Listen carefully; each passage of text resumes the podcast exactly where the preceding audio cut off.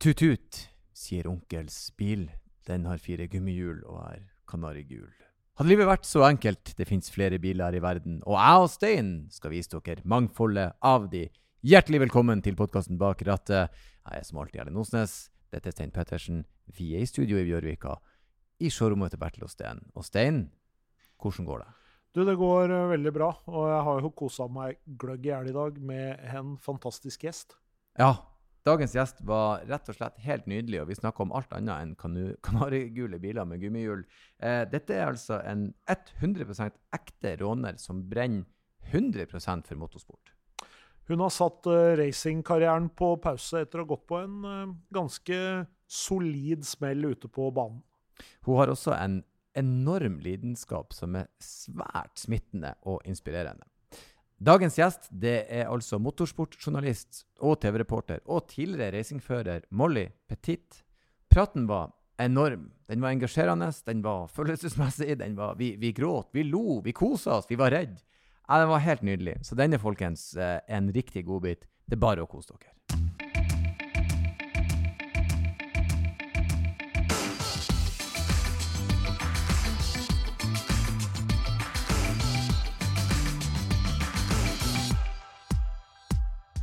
Og med det så var vi atter en gang på plass i studio her i Bjørvika, jeg og Stein. Vi er klar. Og eh, ny gjest, hjertelig velkommen til oss, Molly Petit.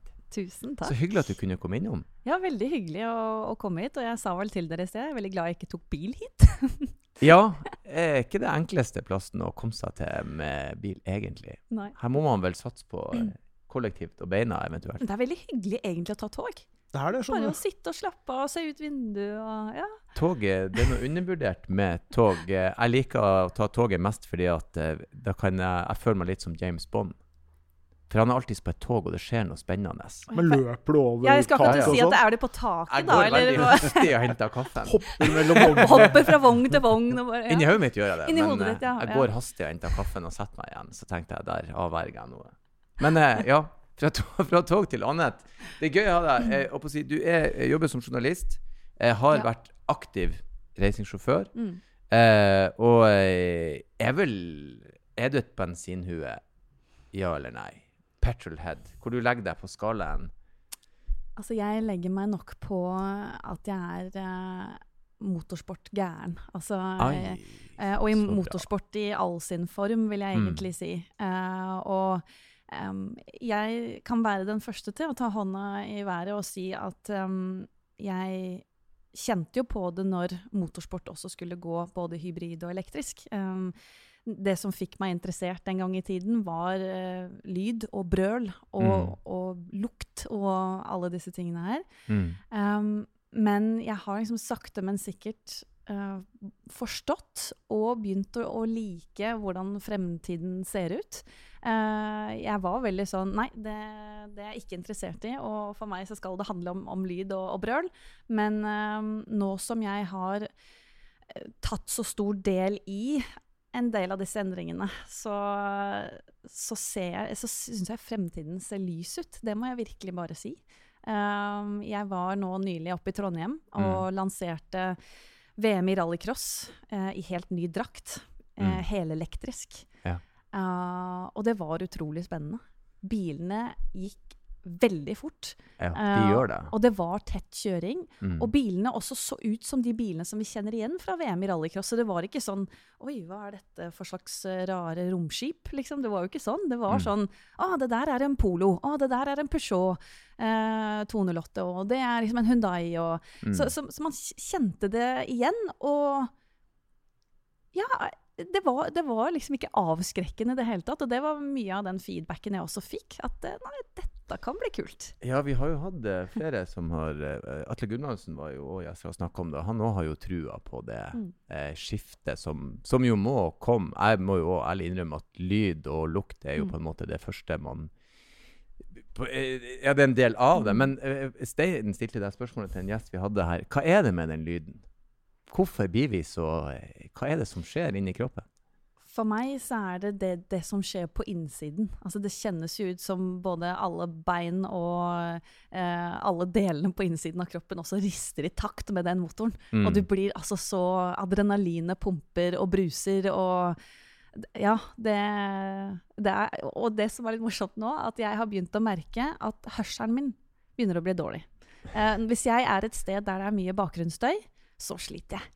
Mm. Og da begynner jeg med den derre eh, typ 70 år og eh, må, må liksom vinkle øret mitt mot folk. Og bare, bare en gang til nå!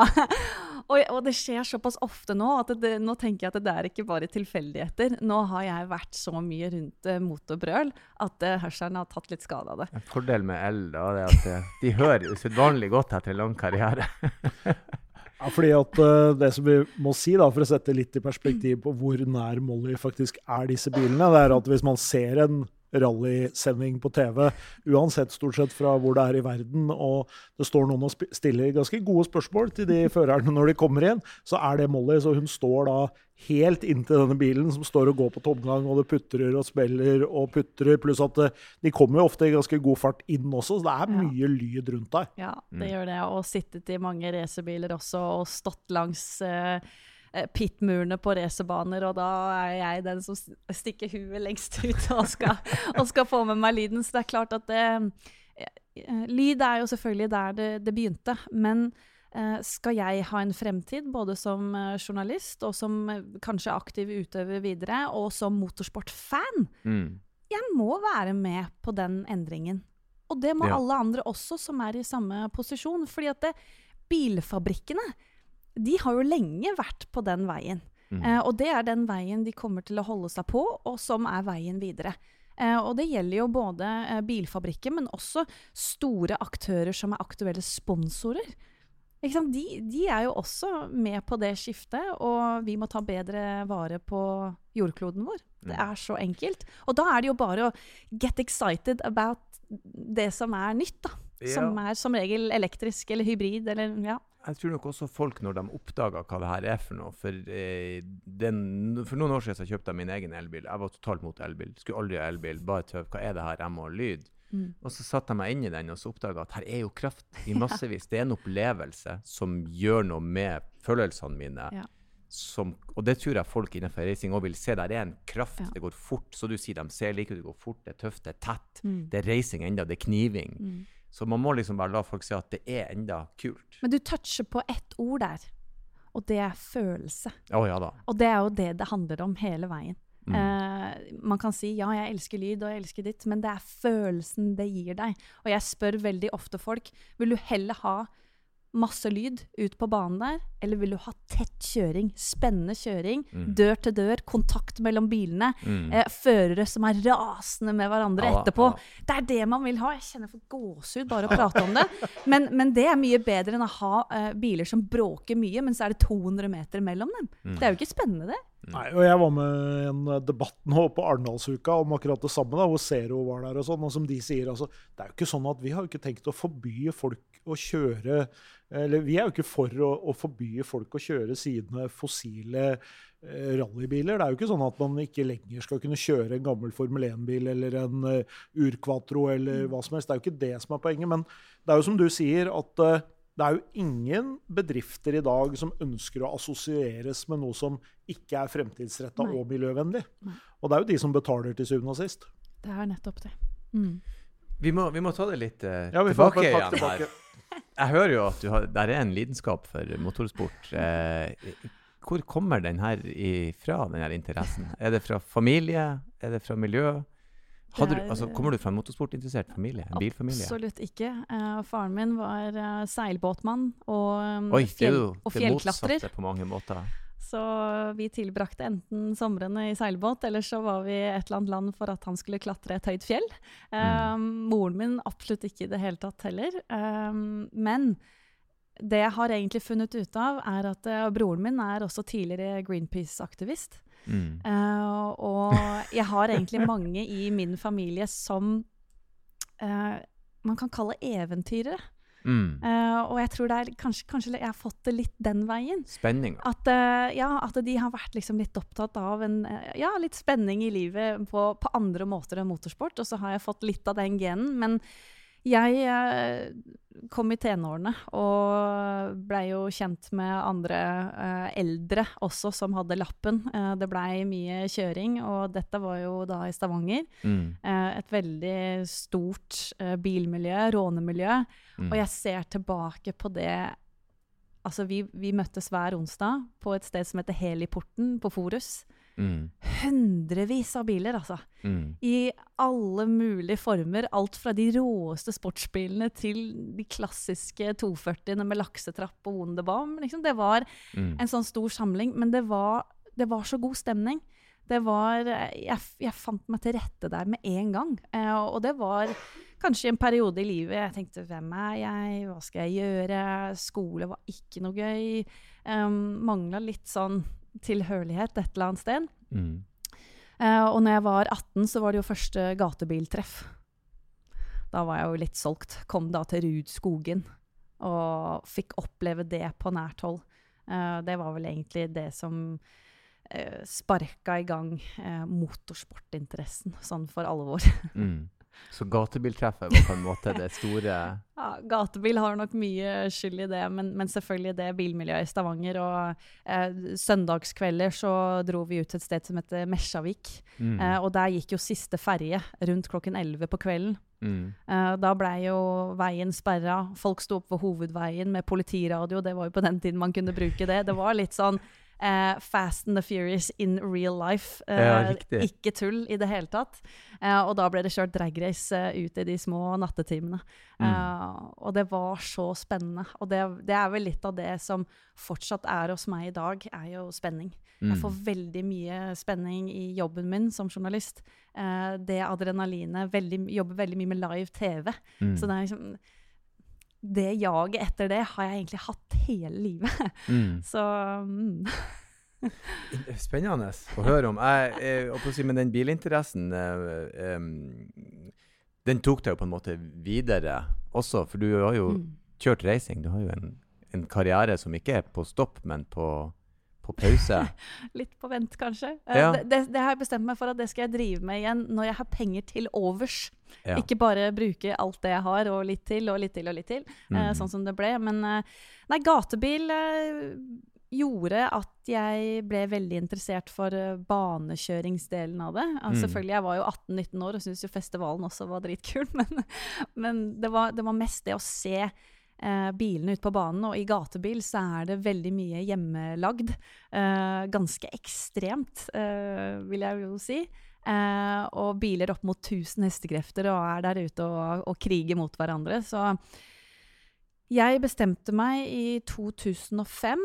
Da fikk jeg et ordentlig spark bakfra hjemme også. At nå må du bare finne ut av hva livet skal handle om.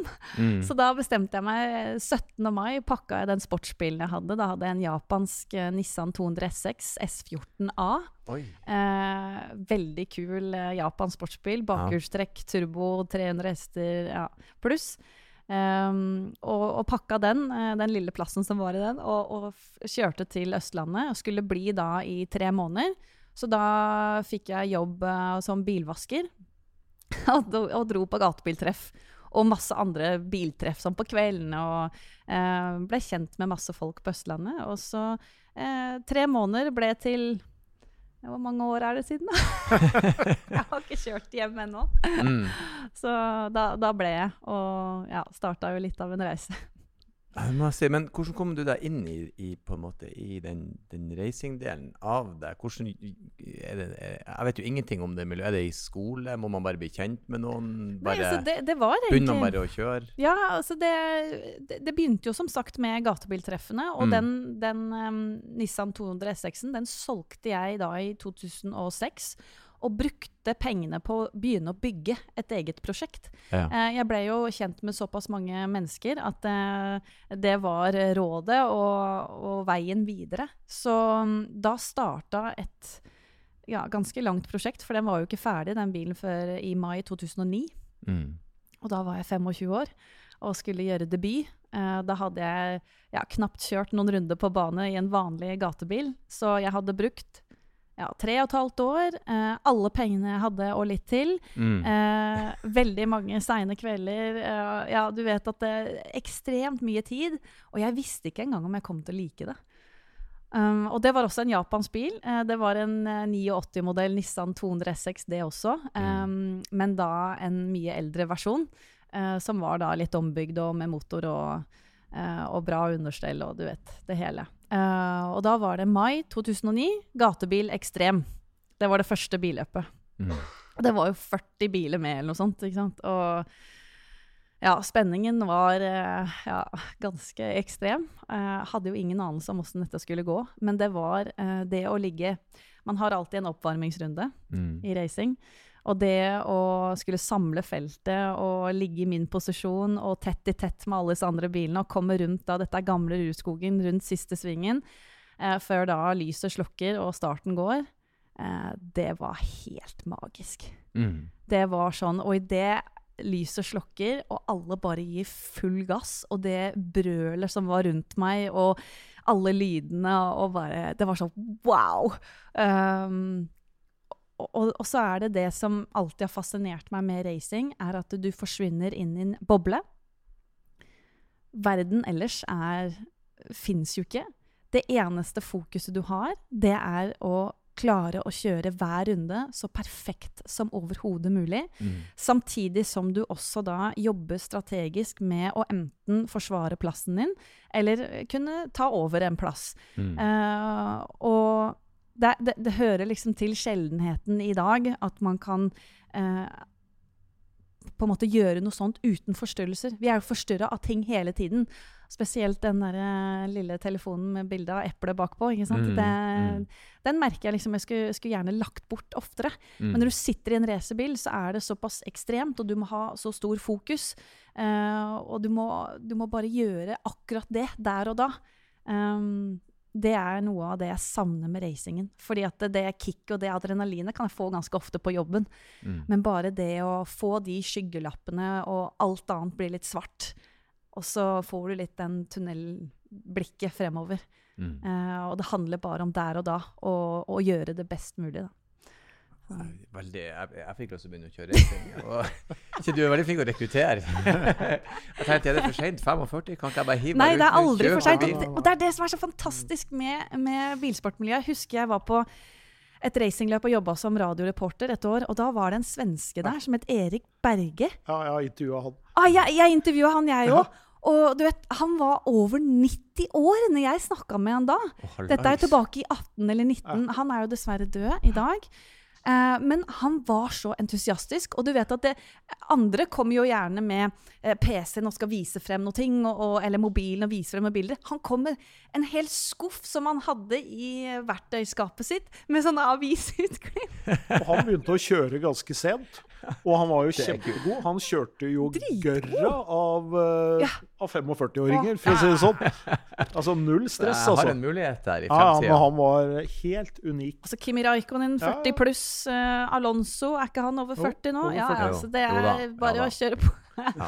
Alonso har på en måte en fot innafor allerede. Jeg spørs om han når helt dit. Ja, ja, det, det, ja. Nei, men vet du hva, man er aldri for gammel, og bare det å begynne med track days, eller begynne med gokart eh, Det er jo ganske mange som er eldre som kjører gokart og får masse glede ut av det, Mm. eller bilcross. Altså, det er så mange muligheter da, der du ja, ikke trenger å ha noe erfaring fra før av. Hva som, eh, hva som er det gøyeste du har opplevd i en racingbil? da? Hva du ser på som høydepunktene hittil? Oi. Bak rattet selv, Ja, eller? altså sånn Wow. Um,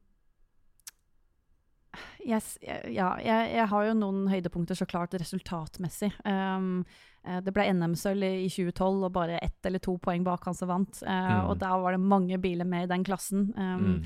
eh, ve veldig spennende hele sesongen. Eh, og så gikk jeg jo videre og fikk eh, kontrakt med Amcar Norge. Um, Mm.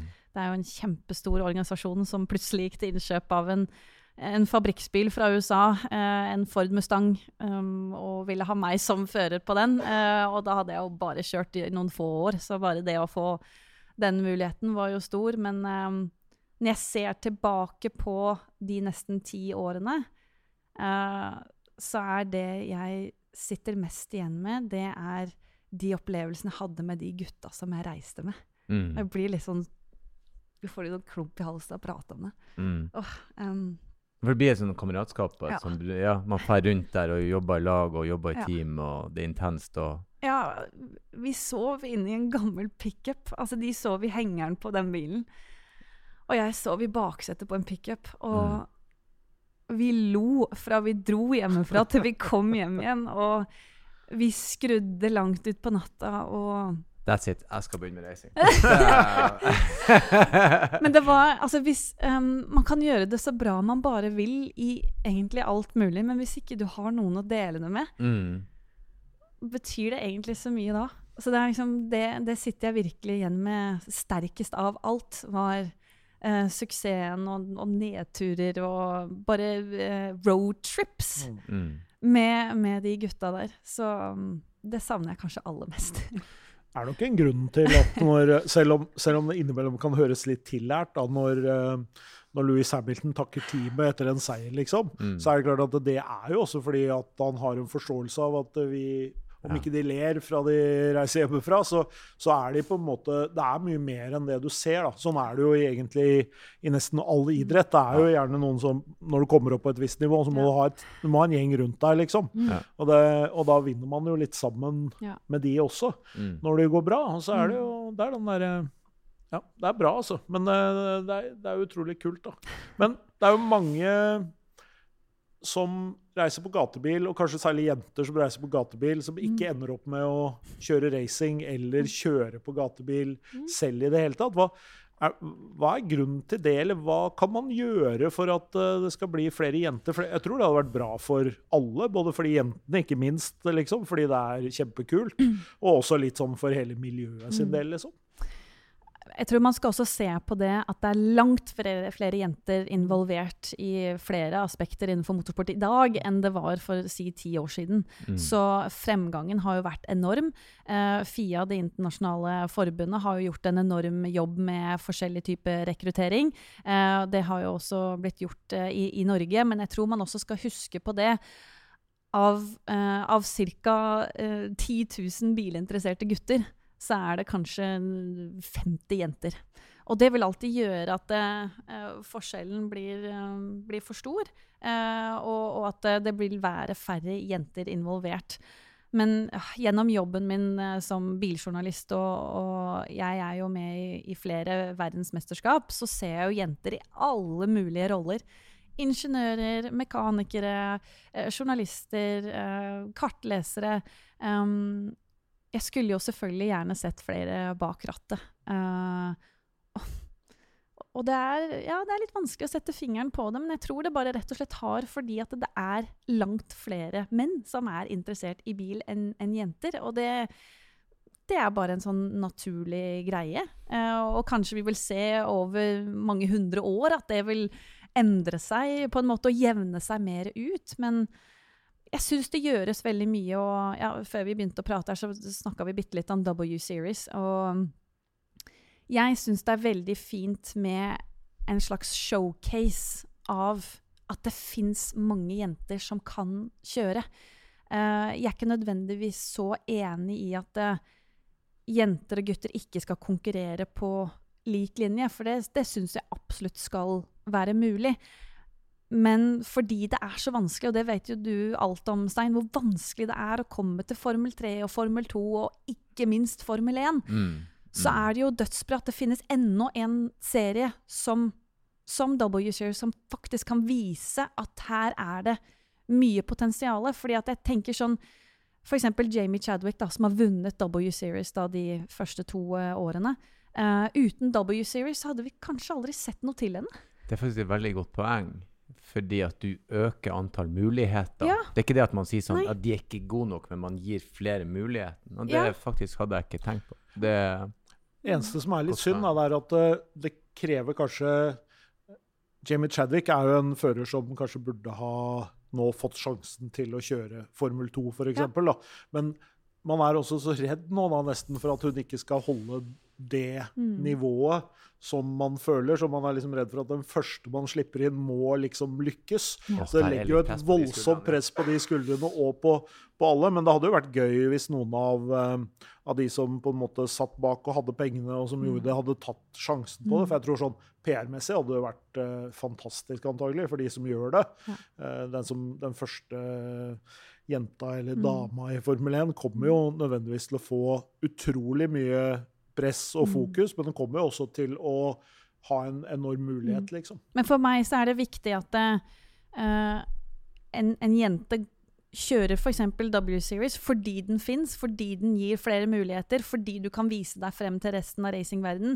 Men da mener jeg også at da skal hun kjøre Formel 3. Hun skal kjøre Formel 2, Uh, og at hun skal kun komme til Formel 1 fordi hun fortjener det, fordi hun er god til å kjøre bil. Ja. Og ingen annen grunn enn det. Mm. Det, det mener jeg er viktig. Og om det tar eh, to år, eh, fem år, ti år, 15 Mm. år, ja, so be it. Men Men det er ikke tvil om at vi må Vi ser jo enda at det er sånn som eh, eh, kvinner og skihopping er jo veldig vanskelig, da. mm, Det går ikke an. altså Vi kan gjerne se at menn brekker hvert et bein, men vi er ikke villige til å se det helt enda. mm, Når det kommer til skihoppere, for at nå er det hoppet det lengre og i, andre idretter, sånn som UFC nå, så har de fått lov å begynne, og, og Mm. på en måte damer får lov til det. Så jeg tror nok at vi er på tur dit, men jeg tror det som du sier, vær litt tålmodig mm, og ikke press det. Jeg tror eh, hvis man, hvis man, hvis man prøver å presse det inn, og så er ikke vedkommende god nok, så ødelegger det. Det vil bare bekrefte en slags oppfatning. mm. Og så Så- tar det tid. Altså, det, det, det fantes jo ingen tilbud Altså, nå er det ikke sikkert jeg hadde kommet borti det heller, for jeg kommer ikke fra noen motorsportfamilie. Men, men det fantes ingen tilbud sånn som det finnes nå i dag for jenter i, i bilsport. Uh, fordi at nå skapes det jo mange forskjellige eventer, altså både fra FIA sin side og fra eh, de forskjellige nasjonale bilsportforbundene, som prøver å rekruttere jenter fra veldig ung alder. Liksom, kom og se, og, og hør på noen foredrag, og kjør litt gokart, og kanskje dette er noe du liker. Så det tror jeg vi kommer til å se om noen år, disse jentene kommer opp. At det, men, men du ser det bare mer og mer nå. Du ser i langdistansekjøring så har du disse Iron Dames. Mm. Eh, det er jo fantastisk å se. De kjører dødsbra. De vant sin klasse under 24 timer på spa nå nylig. Eh, og, og det vil bare være mer og mer og mer og mer av det. Jeg, jeg føler hver uke så kommer det frem gode eh, resultater som ikke bare er liksom beste kvinnelige bil eller noe sånt, men, Ja. men best Best i i enten sin klasse eller Mm. totalt. Eller, Mm. uh, og, og det ble jeg gira over. Det, det ser man i sånn hundekjøring òg, faktisk. Ja. er som ja, de, Hun vant. Gøy. Ja, i dameklassen. Nei, hun vant. Ja. Det var ikke noe Ja. Det For var- det er noe vi må vekk fra. Ja. Det er liksom 'Å ja, hun ble beste dame'. Nei, hun ble best! Hun best. Ferdig. Ferdig med det. Punktum. Vant, faktisk. Med god margin. Langdistanse, ultraløp også. Ja.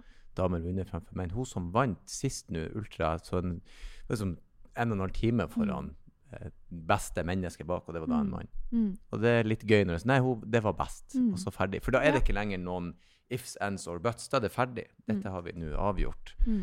Um, vi, vi, hadde, vi har hatt eh, si, folk som har kjørt racing her før. Blant annet Mats Østberg var innom og snakka om ei ganske røff ulykke han var i. Så jeg er jo litt sånn spent på Eller spent eh, Har du vært borti noe skikkelig si, farlige situasjoner? Jeg vil gå ut ifra det. Ja. Det er vel nesten ikke til å unngå som, som aktiv. Nei, eh, det har vært, eh, vært mye kontakt eh, ute på banen opp igjennom, men eh, 2015 fikk jeg meg en skikkelig støkk. Da kjørte jeg et gateløp i Århus i Danmark. Og det var med den Ford Mustangen fra Amcar. Mm. Og det er en rødramme racerbil bygd på fabrikk med ja, rundt 500 hester V8-er. Eh, stor racerbil. Eh, og da eh, var vi vel noen og 20 biler eh, til sammen i den eh, klassen. Og vi begynte å kjøre et løp. Og så hadde jeg noe kontakt bakfra, så jeg måtte inn og, og få dratt av bakfangeren på bilen, for den hang og slang bak. Eh, kjørte ut igjen. Uh, kom ned en Det var en liten bakke før uh, en krapp høyresving og ut på langsida, og der bremsa bilen fint inn i den svingen. Og lå bak en annen bil og skulle egentlig bare på langsiden legge meg litt til venstre for han, og så få en bedre utgang da ut av en slags sånn S før opp en bakke. La meg ut til venstre. eh, hadde 220 km i timen og skulle bremse hardt inn eh, mot den trange høyresvingen. Og det var ingen bremser. Oi da. Ingenting. Eh, og det som sikkert var ett sekund, eh, kanskje bitte litt mer, mm. der eh, rakk jeg å tenke fryktelig mange ting. Eh, Ja. Det er ganske rart å tenke tilbake på hvor Altså hvordan hodet bare begynte å sette opp liksom 1, 2, 3. Dette er alternativene dine. Eh, hva skal vi gjøre? Eh, og det aller første jeg tenkte på, var um, at rett foran meg så er det murvegg eh, med masse mennesker bak. Jeg kan ikke kjøre i 220 rett mot den murveggen, fordi det kommer til å um, ikke bli bra for de menneskene som står der. Eh, og så tenkte jeg i enden av langstrekka så var det en altså Hvordan skal jeg forklare det? Men det ser sånn ut. En, en slags sånn, altså Hvis du hadde problemer på banen, så kunne du kjøre av eh, og inn bak der. Eh, men når du kommer mot en sånn slags innsnerving som det var, eh, i 220, så ser det bare ut som en vegg. Mm. Eh, så, så, så det var aldri sånn et alternativ å prøve å kaste bilen inn der på en eller annen måte, og det er jeg veldig glad for jeg ikke gjorde, for der sto det sånne bergningskjøretøy eh, rett, rett bak der. Eh, og, og så nummer tre var bare hvordan kan jeg få ned farta? Eh, og da husker jeg mens jeg holdt på med denne listen i hodet mitt, så drev jeg og vippa bremsepedalen ut. Prøvde å liksom dra den ut og finne noe trykk i det hele tatt. Ingenting. Uh, og da sa jeg dette går til helvete, nå dør jeg.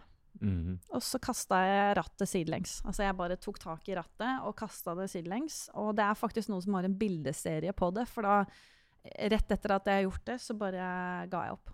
Da ser du bare hodet mitt bare går ned. Mm. Um, og så har jeg bare gitt opp. Mm.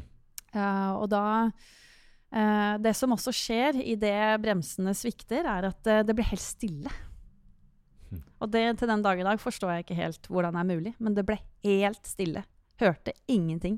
Og etter å ha prata med litt forskjellige folk som har vært gjennom lignende, så forklares det ved at det i ekstreme situasjoner der du, kroppen og alt føler at det står om livet, så eh, fjernes sanser som du ikke trenger.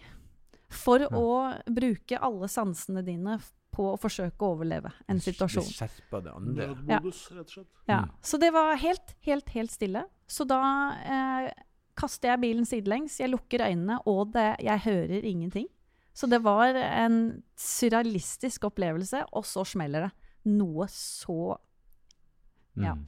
Uh, og da uh, skjønte jeg, for jeg, jeg turte ikke å åpne øynene, men jeg skjønte at det var ikke nok.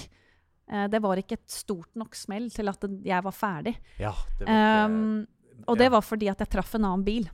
mm. Og han traff jeg 217 km i timen. Sendte han inn i murveggen, og så spant jeg én gang rundt. Så både det å treffe han tok ned litt fart, og det at jeg spant rundt. Og så var det nesa først rett i betongveggen. Og den, den var hard. Den kjente jeg ordentlig. Mm. Um, men den fikk jeg på en måte med nesa først inn i betongveggen. Istedenfor Hvis jeg ikke hadde truffet den andre bilen, så hadde det da blitt ja, 2,15, tenker jeg, med min side inn i betongveggen. Og da Ja. Det hadde nok ikke gått så bra. Det Så det er så utrolig mange små ting som gjorde at det der gikk bra. Og da eh, Jeg husker at jeg hørte masse skriking, spesielt barn, for det sto en del barn bak den der murveggen. Uh, og det er klart, de fikk jo sjokk, for jeg flytta syv sånne svære betongklosser en halv meter bakover med den store Mustangen. Uh, så folk løp og skreik, og, og jeg husker jeg åpna opp øynene. Og det første jeg gjorde, var å se ned på kroppen, for jeg tenkte den kan ikke være helt intakt. Det er ikke mulig, liksom. Så hva er det, hva er det som mangler? Liksom? Hvor er det det blør? Hva er det som skjer? Eh, og, så, og så kikka jeg opp, og så ser jeg liksom, panseret sto jo sånn, og altså, det kom masse røyk opp fra motorrommet. Eh, og da gikk jeg inn i nok en sånn survival mode. Og Mm. da bare reiv jeg av rattet, og så opp med beltene, og bare kasta meg Dette var en bil der du klatrer inn og ut vinduet. Mm. Og bare kasta meg ut av vinduet og, og landa liksom på rumpa ned på bakken der og bare Jeg var helt sånn totalt i sjokk. Mm. Fordi at eh, for bare ett sekund siden så sa jeg til meg selv at nå er det ferdig. Ja, nå er det game over. over. Takk, farvel til livet, liksom. Uh, og da kom det liksom folk løpende, ambulansepersonell, og jeg bare 'Det går bra! Det går bra!' det går bra. Men da var det jo full uh, sykehusundersøkelse. Og, men faktisk no, noe som skjedde når vi kom på sykehuset, eller var det kanskje etterpå, så møtte jeg han som jeg hadde kjørt på. Mm. Du vet, han var så forbanna. Oh, ja. Han var, det var nesten sånn at han begynte å slåss med meg. Oh. Så det var eh, Han trodde at jeg hadde forsøkt, hatt et sånt forsøk på en sånn kamikaze forbikjøring. Og bare totalt mista kontroll. Um, så han um, Men han var også i sjokk, selvfølgelig. Ja. Han, han var jo i første gir i rundt 50 km i timen idet oh. jeg dundrer inn i han i 217. Ja, han skvetter litt, han òg. Han, han, ja, han kjørte aldri racerbil etter den dagen det, dessverre. Og jeg er veldig lei meg for det, men jeg tror han redda livet mitt. Mm. Og det sa jeg til han også. Jeg tror du redda livet mitt. Mm. Jeg- si, hvor lang tid gikk det før du kjørte noen slags form for bil igjen? Etter To det? To uker, ja. Da, det var sånn Og jeg har holdt på med konkurranseridning i mange år, så når folk sa til meg du må opp på hesten igjen, så forsto jeg hva de mente med det. Ja, Men, uh, ja du da, må liksom i gang igjen. Hvis ikke, så, Ja. så Så da leide vi en bil, og så kjørte jeg. Men jeg tror jeg bremsa 600 meter før svingen hver gang. det var jeg helt håpløst. Fullt Men forståelig. Men fysisk, var du bare forslått, eller var det noe alvorlig? Som, ja, jeg fikk en hjernerystelse, Mm. eh, og så fikk jeg veldig vondt i nakken. Det har jeg fortsatt den dag i dag. Det er stivt Mm. uh, her. Fordi at eh, I og med at jeg traff den andre bilen i den farta jeg gjorde, så fikk jeg nok Selv om jeg brukte han, så, så var det nok en ganske voldsom bevegelse på nakken. Um, og så var jeg bare blå. Blå i hendene og blå beina. De slo jo, de slo jo rundt inn i bilene. Og også fra beltene. Så, men jeg er glad jeg satt i en såpass stor bil. Altså en stor sånn rødramme racerbil. Eh, med på en måte så lang avstand fra meg til fronten på bilen også, i og med at jeg dundra rett inn i, Mm. i betongveggen med nesa først. Men um, racingen ble aldri det samme etter det. Jeg prøvde hardt, men den kjærligheten jeg hadde for det, den, um, den visna ganske mye den dagen. Ja, for, den, for det er jo en frykt Vi hadde Mads Østberg her, da, og han snakka jo veldig mye om å håndtere frykten. Mm. Altså at du får ikke gjort noe med frykten. Den er på en måte i, i kroppen. Mm. Og den er jo selvfølgelig delvis basert på, på hva du har opplevd tidligere, da. Men du har jo også en mann som kjører uh, rally, og som uh, sikkert også tar noen sjanser. Hvordan, hvordan er liksom forholdet ditt til den risikoen, da? Ja, det er, eh, det er et godt spørsmål, og jeg um, Mange spør meg liksom hva er det morsomste du gjør, og jeg sier veldig ofte det er faktisk den jobben i rally-VM. Fordi at eh, det de gutta gjør i den hastigheten på så smale veier, med trær, med, med så mange potensielle farer Hele tiden så ligger de på grensen. Mm. Uh, det fascinerer meg så mye med folk som gjør det. Sånn som de som kjører Isle of Man TT. Eh, det er et motorsykkel ja, Du vet sikkert hva det er. Mm, mm. Altså Når du ser Sykt. klipp derfra, de kommer liksom over en liten bakketopp, og hele sykkelen gjør Ja, sånn. Ja. Og jeg bare tenker Åh. Og så er det noen, noen eller flere hvert år som mister livet. Men de, de motorsykkelfolkene er jo klin gærne. Det er jo en egen Men det fascinerer meg så veldig. Og, jeg, um, og det er et helt eget folkeslag. Og jeg er ikke i nærheten engang av å være en person som kan sette meg inn i et kjøretøy og bli enig med meg sjøl at jeg kommer kanskje ikke ut av det der i livet. Ja, i dag er kanskje rett og slett til ro med tanken på at i Ja. dag er kanskje Ja, og sånn siste som de dagen. som bruker sånne vingedrakter og hopper av fjell på Mm. Nordvestlandet der, og, og, og liksom tenker og, og når de står på fjellet bare, Nei, kan gå gærent, men jeg syns det er morsommere Vi, å hoppe. eh, Så vi, vi- hopper. Vi hadde faktisk Karina Hollekim her. eh, Hun, Åh, og, elsker Karina jeg, ja, Hollekim. jeg og Stein ble sånn Wow, dette er et annet type innstilling til Jeg er nervøs i stige, liksom, og hun bryter seg ut fra fjelltoppen i en sånn der ekorndrakt. Jeg tenkte det her er jo ren galskap at de gjør. Men eh, du har rett, det, det er noen som Mm. Den knivveggen Mm. mellom der du vet at dette, Mm. dette Men det, det er vel den på en måte tilstanden de Mm. trives i. Og det er den du må være på hvis du har et ønske, f.eks. i motorsport, å bli verdensmester. Mm. Wow. Ja, jeg, jeg skjønner deg godt uh, at du ikke kjørte eh, Uten å relatere det i det hele tatt, så kjørte jeg utfor veien en vinter jeg skulle til Narvik mens jeg studerte. Mm. Uh, og jeg tror jeg lå i 30 resten av Jeg var faen meg så redd for å kjøre bil at jeg Og det var ikke engang dramatisk. Så for den støkken der, Mm. kroppen din vil jo prøve instinktivt at dit Mm. skal ikke vi igjen. Nei. Dette er jeg redd for. Ja. Så det er Uff. Ja. Men men det er derfor det, det, er derfor det er enormt fascinerende å se på. Ja, For liksom, det er hva er det de driver med, som Ja. setter seg sjøl? Mennesker som setter seg i den der Tenk å male seg inn i et sånt hjørne.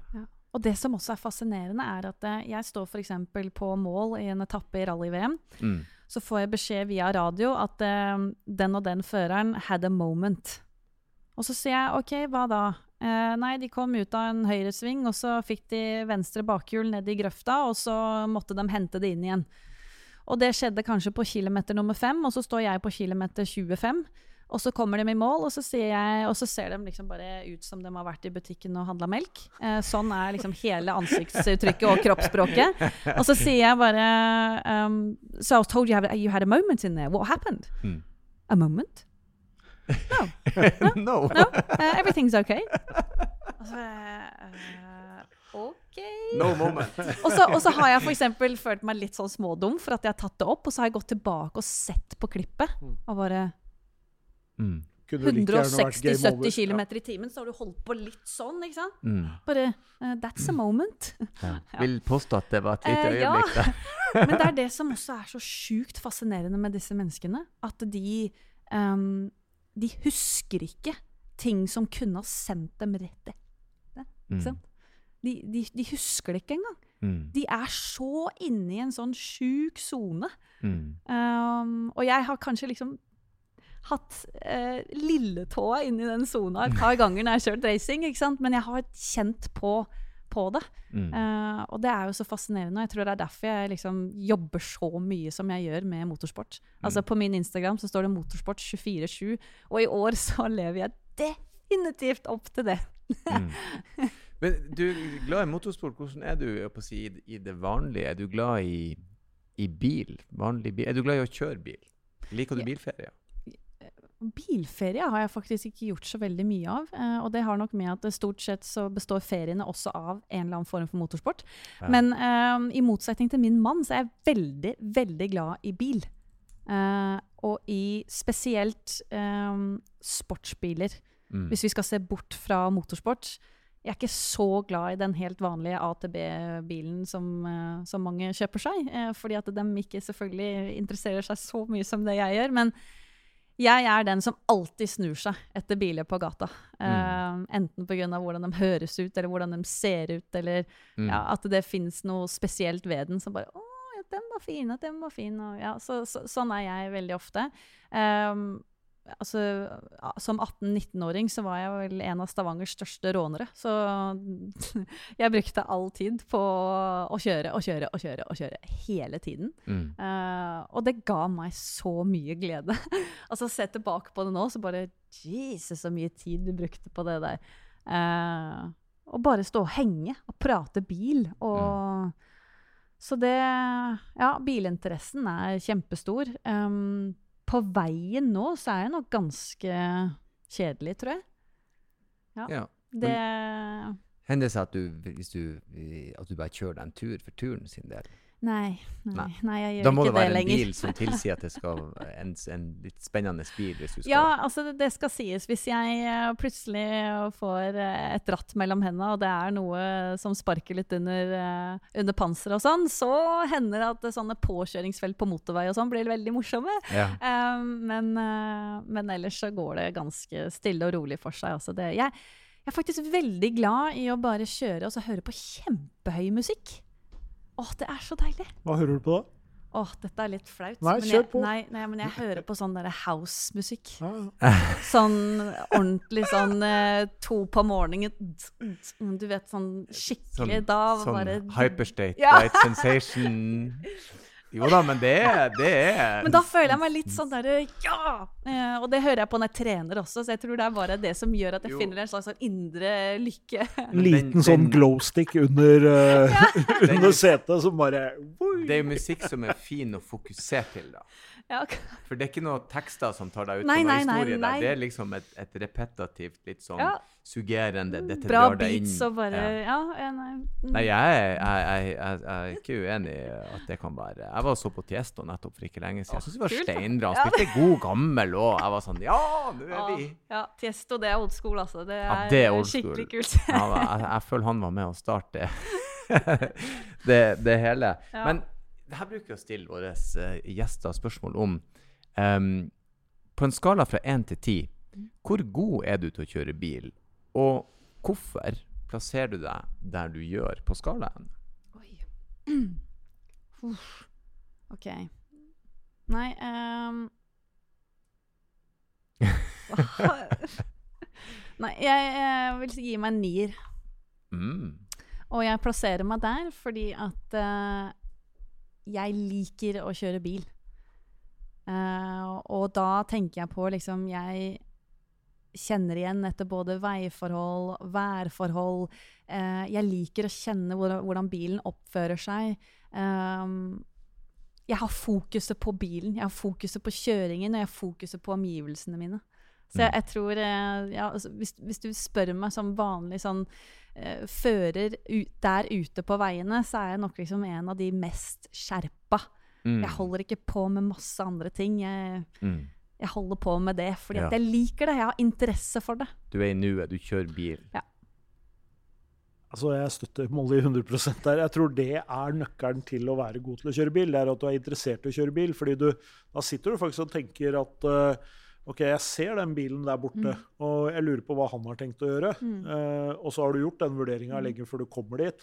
Mm. Uh, det tror jeg er grunnen til at det veldig ofte går gærent. Mm. Det er at folk sitter og tenker på noe helt annet.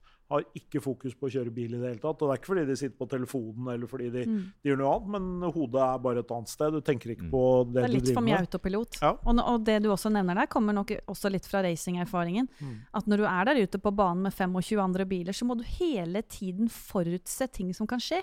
Mm. Eh, og det er jo noe av det viktigste man gjør i trafikken. Eh, det husker jeg jo fra kjøreopplæringen også. Bare, det kan komme en ball og en unge. Eh, det kan komme en hund, og det kan komme en elg, og det kan komme noen som sover bak rattet på, i Mm. motsatt kjøre. Altså, det kan, det kan skje så mye, og jeg syns liksom det er så fryktelig, fryktelig synd at i år er det frem til nå, så har det vært flere Ja. dødsulykker enn Økende. i hele fjor.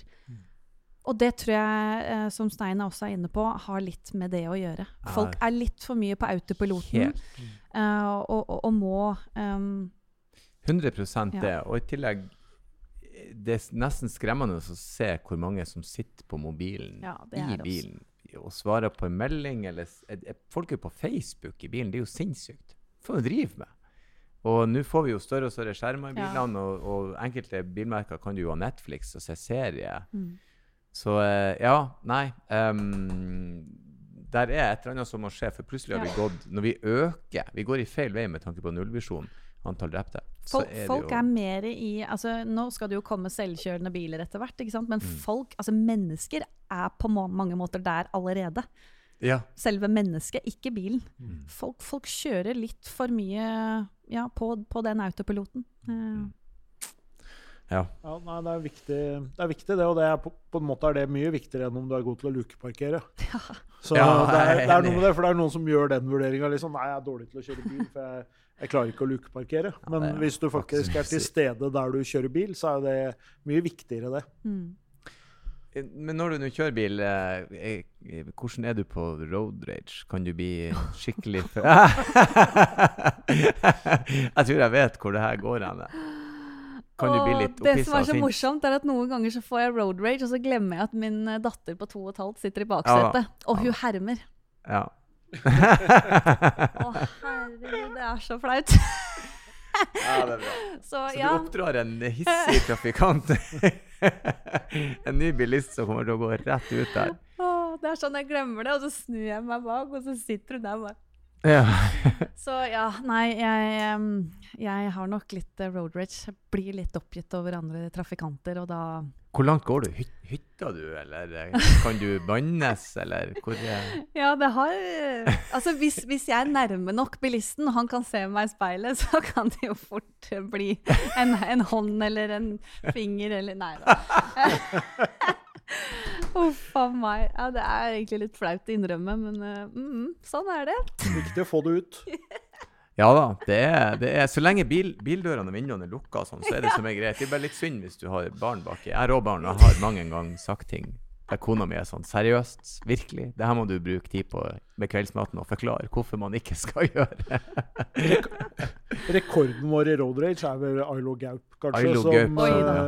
bestemte seg for å kaste en eh, pappkopp eller en, En tom, eh, tom brusboks. ja, ut av vinduet. Og så har han skada seg så mye at han poppa skuldra ut av ledd. Han heiv den pop, så han måtte stoppe bilen mens han krangla med han fyren og røk skuldra på plass. Og så skulle han med, med fly videre på et stevne og hoppe på motorsykkelen sin. Oh. Så det er Så en finger er ikke så gærent. Nei, nei, du da er var langt det litt verre. Ja, Det var bare mm. for å sette det i perspektiv. Du sa litt om det. Du reiste rundt med et crew, og dere liksom gjorde alt. Men eh, sånn mekaniske ting, skruing og sånn, eh, er du teknisk anlagt når du kommer til bil? Hvor går grensa for hva du fikser sjøl på, på bil? Altså på, på vanlig bil nå eh, fikser jeg absolutt ingenting. Mm. Eh, men eh, opp igjennom så har jeg interessert meg en del for det. Men jeg skal innrømme at eh, det har ikke, jeg har ikke nerda på det på noen måte. Mm. Jeg har vært med mye i garasjen og men, men det har ikke interessert meg like mye som det å kjøre. Hvis- og det tror jeg har noe med spenning og adrenalin, for det er ikke så du- veldig spennende å skru bil. Hvis du skulle punktere, f.eks., så kan du legge på et reservehjul. Hvis jeg skulle Hvis du punkterer ute og kjører. Å ja, ja, men det går bra. Ja, ja, Ja. det fikser jeg. Helt Ja da, klart. Jeg da er du kunne s- allerede langt foran. Ja, ja, altså, Jeg, jeg, tror, jeg, tror, eh, jeg tror kanskje nivået Molly legger seg på her, er at eh, hun omgås folk som antageligvis Ja. plukker biler i fillebiter i og skrur dem sammen igjen. Ja, ja. Men du kunne antageligvis til og med ha bytta bremser hvis du måtte det. ja, jeg skal akkurat si at jeg tror jeg kunne tatt et bremseskift. Um, Nå er du jo milevis foran Altså, gjestene våre normalt sett det, Grensa går ved å fylle spylevæske. ja, Ja da. ja.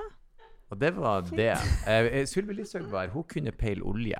ja Eh, og det er også bra. langt foran eh, hva vanlige folk gjør. Det er spylevæske. Folk legger ikke om dekk lenger. De Nei. kunne ikke ha bytta dekk om så det sto om liv. Nei, det, det er veldig sant. Og med nyere, mer moderne biler så skal det jo stort sett kobles PC-er til istedenfor å bare gjøre noe rent mekanisk. Så ja, eh, sånt forsvinner jo mer og mer. Så, Mm. sånn, men sånn er jo verden. Mm. Smartere løsninger vet du, hele tiden.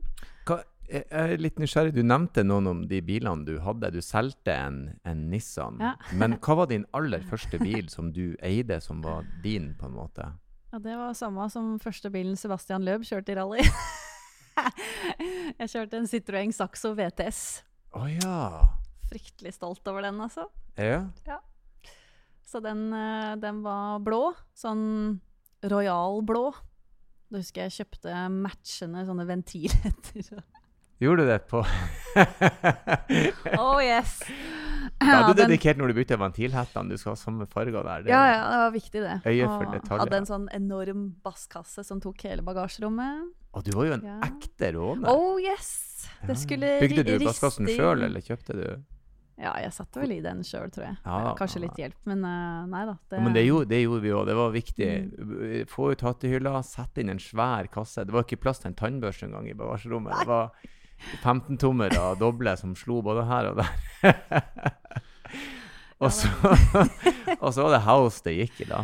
Ja. I Stavanger. Det hadde vært Ja, det var nok stort sett. Sakso, bare Ja, ja, det var meg. Men kan du ikke si litt om det rånemiljøet, liksom? Fordi Ja.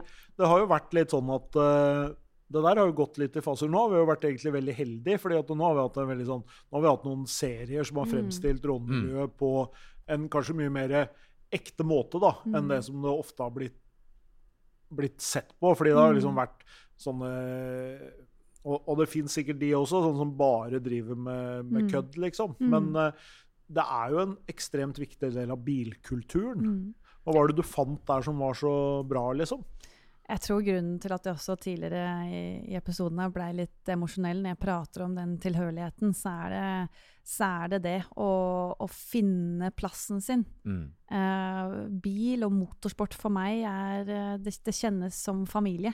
Mm. Um, og det er det jeg tror vi må huske litt på, er at det, det er ikke alle unge mennesker som finner sin plass, eller som er superglad i å studere. Eh, og da eh, blir det kanskje litt sånn som med meg. Man, man finner plassen sin der. Mm. Eh, og ja, det er en litt sånn ukultur rundt det, men, men da tror jeg folk bare ser eh, liksom støyen og forstyrrelsen og at noen velger å, å kjøre for fort. Eh, det er jo dessverre, mange av de også, fordi at det er jo snakk om bil og kjøretøy, og det er mange som prøver å teste grensene med det. Så men, men, for meg så handlet det aller mest om at det var der jeg følte meg hjemme. Mm. Uh, og det har faktisk gjort, fordi jeg fant det miljøet, og fordi jeg fant min plass, så lever jeg i dag 100% av drømmen min. Mm. Jeg reiser verden rundt. Jeg intervjuer verdens beste førere. Jeg lever min drøm fordi at jeg fant min plass. Mm. Det er jo fantastisk. Å finne den lidenskapen og så kunne drive med den. Det er ikke alle som får lov til det her i verden.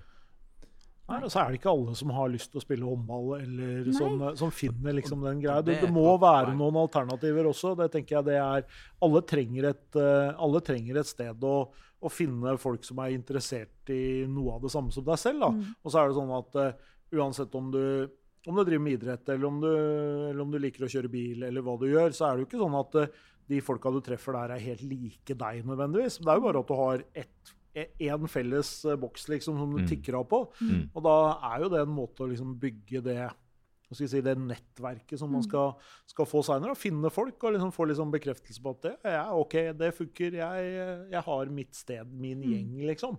Og så er det jo, det er jo som Vi går jo på fotballkamp og roper høyt og, ja. skriker ting. Og, og, noen, og, noen, synger sanger som, handl, som, man ikke burde synge, og, og sånn. Mm. Uh, og så er det noen som er duster. Mm. Og som uh, roper ting som de ikke skal rope. Mm. Det er jo også en viss sånn egenjustis i, også i et bilmiljø, mm. liksom. At uh, det er ikke alt som er OK, det er noen som er tullinger. Og sånn er det bare. Og de, de vil man få, og så ødelegger de kanskje litt for, for inntrykket fra andre. Men jeg tror man skal liksom la de få lov å, mm. å, holde på å finne sin plass, disse som Om du kaller det rådnere eller om du kaller de bilinteresserte, mm. det, liksom, det, spiller ikke så stor rolle, egentlig. Mm. Jeg, jeg syns jo også da at de siste årene så har den det rånemiljøet ble ganske sånn det var, det var, på en måte punchline en vits ganske lenge, og det ble ganske mye sånn latterliggjort. Men det er blitt litt mer stuereint med disse seriene. Det er blitt mm. mer som en sånn Ja, det er innafor å være. Eh, og man ser et sånt miljø som kommer litt tilbake igjen. Mm. Fra Bodø der jeg kommer fra, så var det et genuint rånemiljø. Vi diskuterte felger og farger og basselementer og gud vet hva. Noen gikk helt på bilstereofront, mm. noen gikk helt på bilfront. Det var vinger og faens oldemor. Og så ble det litt borte, men så kommer det litt tilbake igjen. Mm. Eh, og det er jo et, et, fint miljø. Det er jo fine folk der også. Så. Det er det. Og, og det er jo helt vanlige folk. Ja. Mm. Og folk må få lov til å holde på med det mm. de vil. Og mm. jeg mener liksom helt tydelig at det, hvis man Uh, kan få lov til det, og bare Og sånn som jeg gjorde, man kjenner seg hjemme. Uh, da er virkelig the sky is the limit. ikke sant? Mm. Hvis du virkelig liksom kjenner dette her har jeg lidenskap for, eh, her kan jeg skape et liv eh, og ha det dritfett resten av livet, mm. eh, så ja, la folk holde på med akkurat det de har lyst til, og så mm. ja.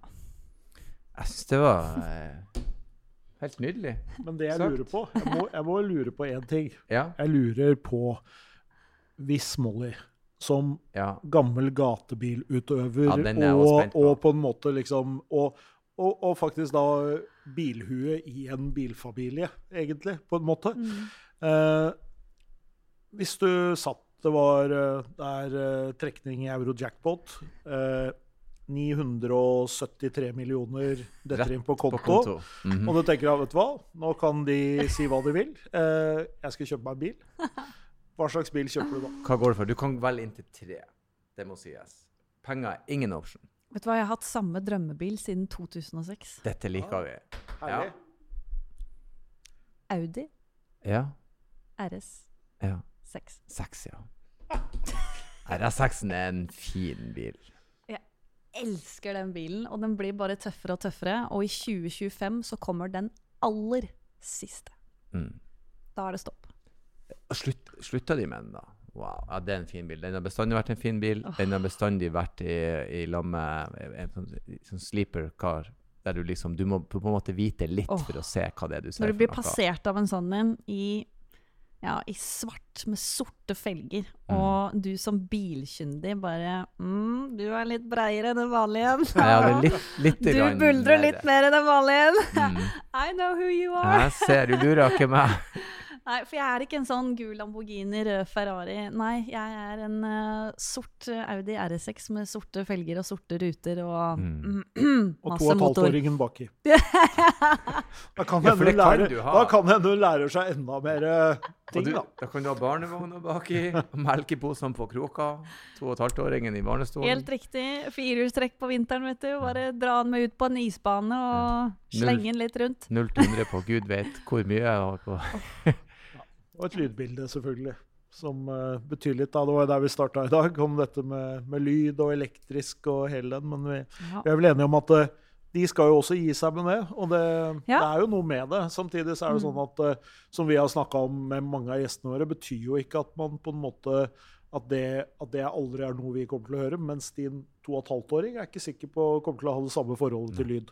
Nei. Men hun kommer til å finne noe helt annet med sporten som er fascinerende. Ja. Hun har allerede en eh, favorittbil som hun prater om hele tiden, så det mm. Går det an å spørre før vi har sluttet? Ja, det er Mustang-bilen. Eh, og det er ikke en gammel Mustang. det er nyere Mustang, og da går hun rundt og sier Mustang-bilen er best. Mustang-bilen Så er best. hun er to og et halvt år. Mm. Ja, der ser du. Du, det var Tusen hjertelig takk for at du kom innom. Det var kjempestas å ha deg på besøk. Eh, og, og lykke til videre. Og bra at det gikk bra. Og, eh, og jeg skal begynne å kjøre racing. Og det er mye som skal skje. Så eh, avslutter som alltid gjør med å igjen si tusen takk, og kjør forsiktig. Selv takk.